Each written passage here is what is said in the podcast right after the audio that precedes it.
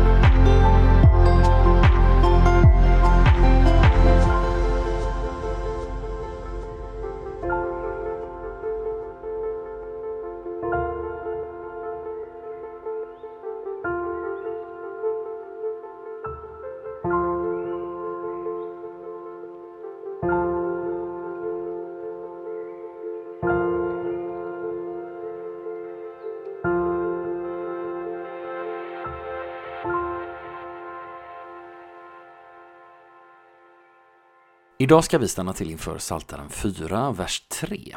Därför börjar jag som vanligt med att läsa hela salmen en gång. Så Saltarens fjärde salm alltså. För körledaren till stränginstrument, en salm av David. Svara mig när jag ropar, Gud, du som skaffar mig rätt. Du öppnar vägen när jag är trängd, visa mig nåd och hör min bön. Ni mäktiga, hur länge ska ni skymfa min heder, älska tomhet och bruka lögn? Ni ska veta att Herren har varit förunderligt god mot mig. Han hör när jag ropar till honom. Upprörs ni, så synda inte. Säg där ni ligger på er bädd, var stilla. Ge rätta offer, förtrösta på Herren. Många säger, vem kan ge oss lycka? Herre, låt ditt ansikte lysa över oss. Av dig har jag fått en större glädje än det som fått korn och vin i mängd. Jag lägger mig ner i frid och sover. Du, Herre, låter mig bo i trygghet. Och idag ska vi alltså stanna till inför Psaltaren 4, vers 3, som alltså lyder Ni mäktiga, hur länge ska ni skymfa min heder, älska tomhet och bruka lögn? Ja, i dagens vers möter vi en beskrivning som kanske hjälper oss att bättre förstå situationen som beskrivs i den förra versen. För i Psaltaren 4, vers 2 fick vi till oss både hur David ropade till Gud om hjälp och hur han uttryckte sin trygga övertygelse om att Gud är närvarande och kommer att gripa in när David är hotad. Dagens vers verkar beskriva det sammanhang som David var i när han uttalar sin bön och sin trygga förvissning i Psaltaren 4, vers 2. I versen idag tilltalar David de mäktiga och han frågar dem Hur länge ska ni skymfa min heder, älska tomhet och bruka lögn? Att det är just mäktiga människor som hotar David har vi stött på tidigare.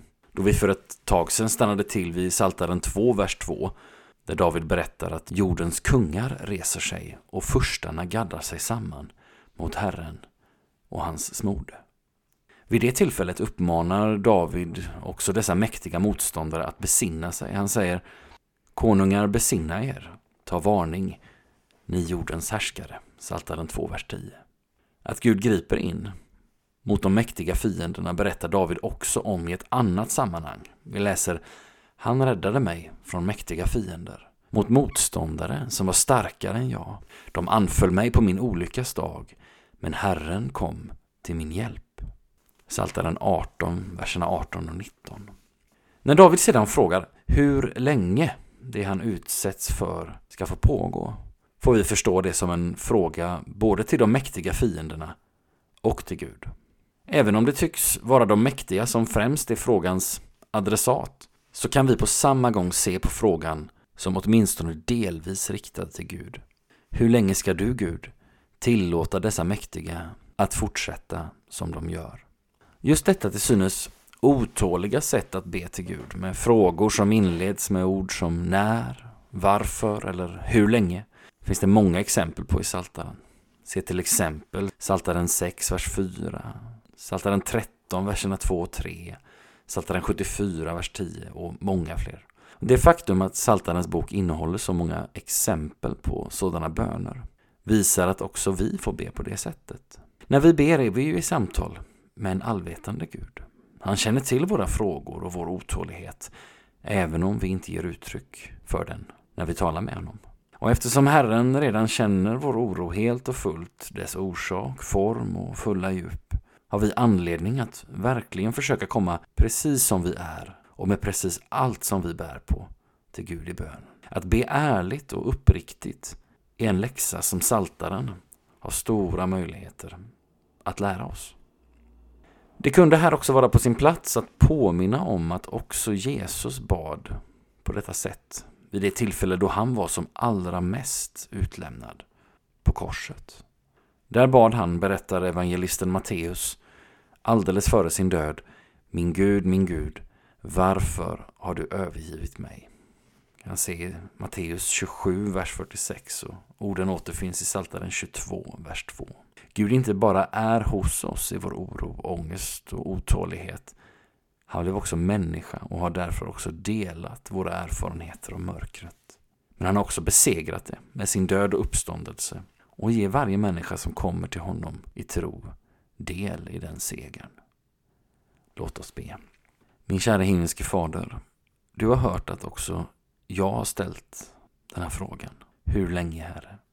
Du är alldeles medveten om, Herre, vad det är som ansätter mig och vad det är som jag så otåligt längtar efter. Hjälp mig i varje stund att lita på att du är här och att du är den som vet mitt allra bästa. Fäst min blick på din son, han som har delat all min oro och rädsla och som avstod allt för mig. I Jesu namn. Amen.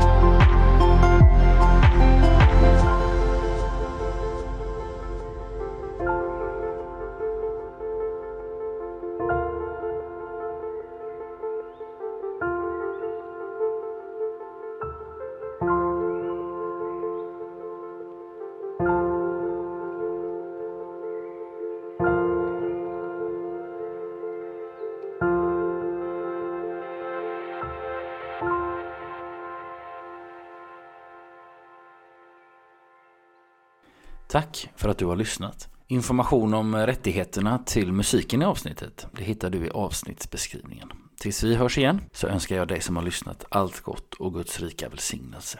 Hej då!